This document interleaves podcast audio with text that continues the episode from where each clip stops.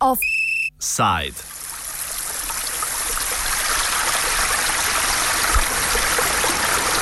Komu in na kakšen način se zagotavlja pitna voda?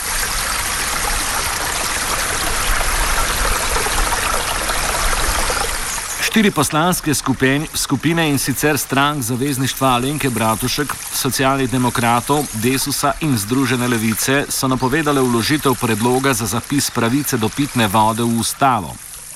S tem skušajo preprečiti oziroma otežiti poskuse privatizacije te naravne dobrine in zagotoviti dostop do nje vsem državljanom. Za začetek prisluhnimo Alenki Bratušek, ki je na današnji tiskovni konferenci predstavila predlagano spremembo. Naš cilj uh, s to spremembo ustave je, da se na ravni ustave voda in dostop do vode določi kot splošna in temeljna ustavna pravica za vse. Da se prepreči, da bi se vodni veri privatizirali in da se prepreči, da bi vodo obravnavali kot vsako drugo blago, ker preprosto to ni.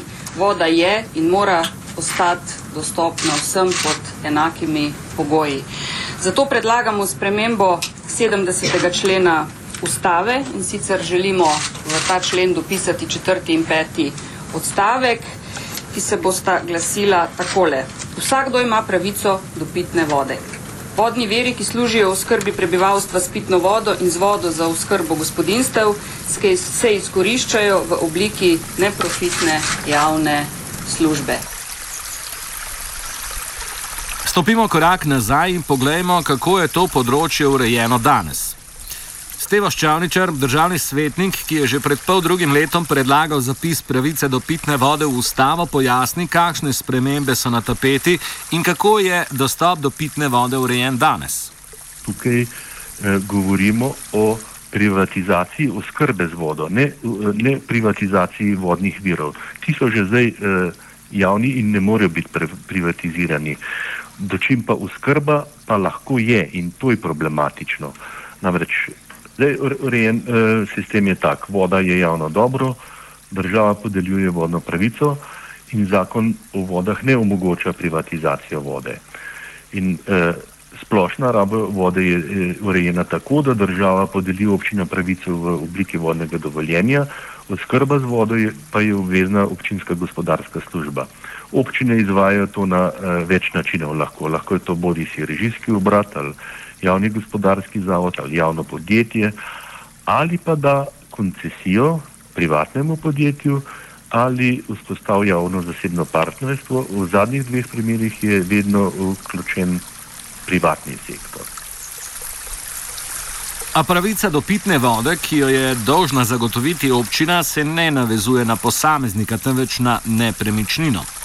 Pojasni Jakob Ahačič, član skupine študentov, ki se v okviru okoljske pravne klinike na pravni fakulteti ukvarja z odgovornostjo držav glede zagotavljanja pitne vode. Ja, občine so pri nas dolžne zagotavljati oskrbo s pitno vodo zgolj tako, da zagotovijo upremljenost naselij z javnim vodovodom. Na ta vodovod se potem lahko priključijo različni objekti, tem, da se za samo izvedbo tega priključka zahteva predložitev veljavnega gradbenega dovoljenja. Um, s tem dejansko javna oskrba s pitno vodo um, je s tem zagotovljena samo posameznikom, ki imajo legalno bivališče, medtem ko so brezdomci in pa tisti, ki prebivajo v nelegalnih naseljih, recimo, bolj kot ne prepuščeni sami sebi. Uh, to je nasprotju z samo idejo človekove pravice, ki bi morala biti zagotovljena vsakomur, uh, pa tudi stališči OZN, kjer je bilo v več dokumentih poudarjeno, da pravica do čiste pitne vode ne sme biti pogojena z neko uh, določeno obliko prebivališča oziroma mora biti zagotovljena ne glede na prebivališče. To je, naj, to je najbolj prišlo do izraza na primeru nelegalnih romskih naselij, nadaljuje Ahačič. Ja, pri nas ta ureditev, ki je pomankljiva, predstavlja velik problem, predvsem pri nekaterih nelegalnih romskih naseljih, ki nimajo urejenega dostopa do čiste pitne vode in sanitarij. Eh, na to že nekaj časa opozarja tudi naša varuhinja človekovih pravic. Bili smo pa opozorjeni tudi strani posebne poročevalke Združenih narodov za človekovo pravico do vode in sanitari. In takrat je vlada v odgovorih na, na vsa ta opozorila izredno zapisala, da priznava človekovo pravico do vode in da Slovenija to pravico podpira oziroma da jo, da jo načeloma zagotavlja. Se pa od takrat na državni ravni ni kaj veliko spremenilo na tem področju. V glavnem se še, zmed, še vedno iščejo neke partikularne začasne rešitve na ravni občin. Predlog spremembe ustave uporablja drugačen koncept, saj veleva dostop do pitne vode za vsakogar. Kljub morebitni spremembi pa bo izvajanje te pravice še vedno določal zakon. Kot je bilo že omenjeno, se občine trenutno lahko same odločajo, na kakšen način bodo zagotavljali dostop do pitne vode. V Sloveniji imamo več deset občin, ki to zagotavljajo preko koncesije. Zaradi evropskih pravil proti diskriminaciji tujih podjetij koncesije vzbujajo skrb, da občinski organi, zlasti v majhnih občinah, ne bodo kos pravnim službam multinacionalk, ki se potegujejo za koncesije. Te bi zato, kaj lahko pomenile slabo novico za uporabnike. Takšne primere poznamo tudi iz tujine. Ni jasno, ali bi bile koncesije po predlagani spremembi ustave še vedno dovoljene. Sprememba bi sicer velevala, da se distribucija pitne vode opravlja preko neprofitne javne službe, a je v odgovoru na novinarsko vprašanje Bratošek povedala sledeče. To bo to, uh, te uh, konkretne, če lahko rečem, tehnične rešitve bo urejal pa uh, zakon. In pogodbe, ki uh, veljajo, bodo veljale do izteka, potem se bo pa na novo uredil uh, način Jaz mislim, da na nek način uh, podobno. Ne bo se dalo brez koncesij, po mojem oceni. Ščavničar pokomentira to neskladnost. Koncesije so, kljub časovnim in drugim morebitnim omejitvam, oblika materialne privatizacije. No, to zdaj prvi slišim, je pa res zelo čudna formulacija. Ne? Če po eni strani pravi, da, da bodo uvedli v ustavo določilo, da morajo skrba z vodo ostati javna služba, ne razumem, kako bi pa bili lahko prijazni do koncesij. Namreč eh, koncesija vsekakor pomeni prehod v privatni sektor. Oskrbo eh, z vodo eh, dajo v, v roke pač privatnim podjetjem. Sej, v bistvu smo se pred tem borili.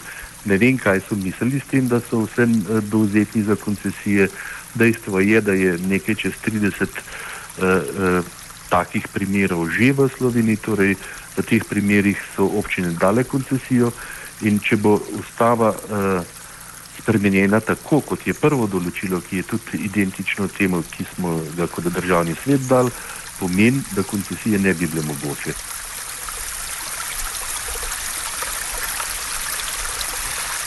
Ahačič pa opozarja, da z, iz, zapis izraza neprofitna javna služba v ustavo na področju koncesij ne bi prinesel bistvenih sprememb. Ja, vsaj kolikor je meni znano, pri nas ne poznamo te organizacijske oblike neprofitne javne službe. Uh, neka opozorila v zvezi s tem so se pojavljala že pri prejšnjem predlogu spremembe ustave, uh, ki je bil dan, mislim, da s praktično identično formulacijo v, v času prejšnje vlade. Uh, pri nas je načeloma javna služba po definiciji lahko profitna, s tem, da mora biti ta cilj pridobivanja profita podrejen primarnemu cilju, to je zagotavljanju javnih dobrin. Se pravi, tudi če je govora o koncesijah, recimo, uh, če izvajanje javne službe ne prinaša profita, med, potem med zasebniki enostavno ne bo interesa za izvajanje. Lahko se nam edino zgodi, recimo, da bi zasebniki neprofitno zagotavljali skrb s pitno vodo, zraven pa bi za nagrado dobili še koncesijo za neko komercialno rabo vode ali kaj podobnega, kar spet nekako ni v duhu tega cilja varstva vodnih verov. Kaj pa bi zapis pravice do pitne vode v ustavo sploh pomenil? V ustavi imamo zapisano marsikatero načelno pravico ali usmeritev države, ki pa v praksi ne obstaja.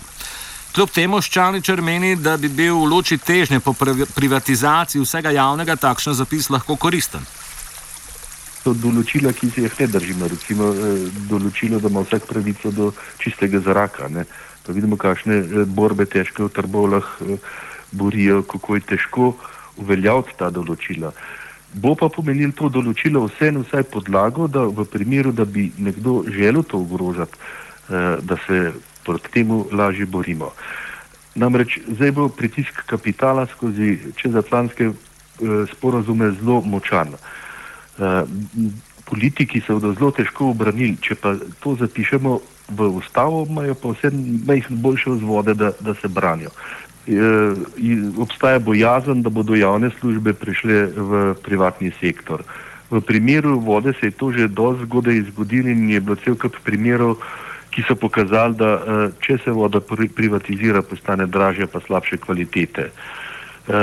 Takrat so se že začeli ti pogovori, ki so pa zdaj tako delač, da pričakujemo, da bodo kmalo sprejeti. sprejeti. In tudi v teh, te tipu, v teh pogovorih, pogovorih je tendenca, da se čim bolj sprostijo vse ovire, ki so pravzaprav vire kapitalov. Torej tudi tendenca, da se kar največ javnega sektorja privatizira.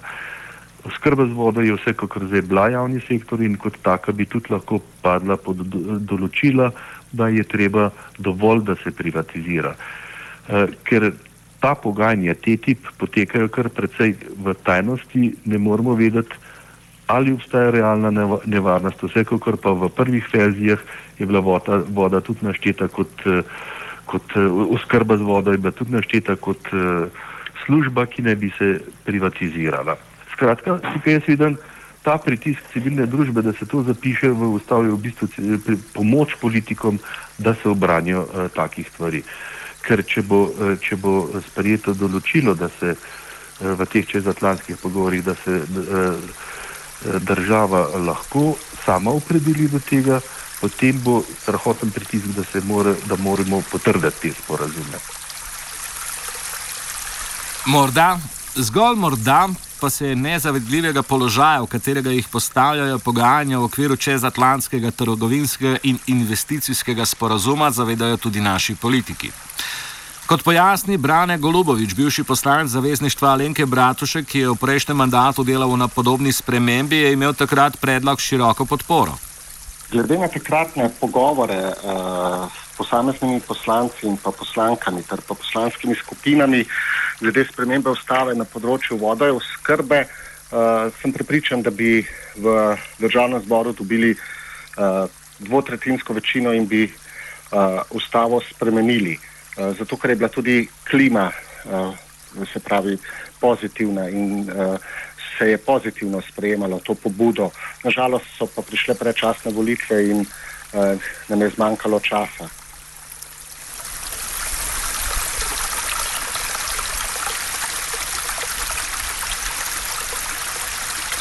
Z javno čisto pitno vodo je eter radija študentov plaknil Twitter.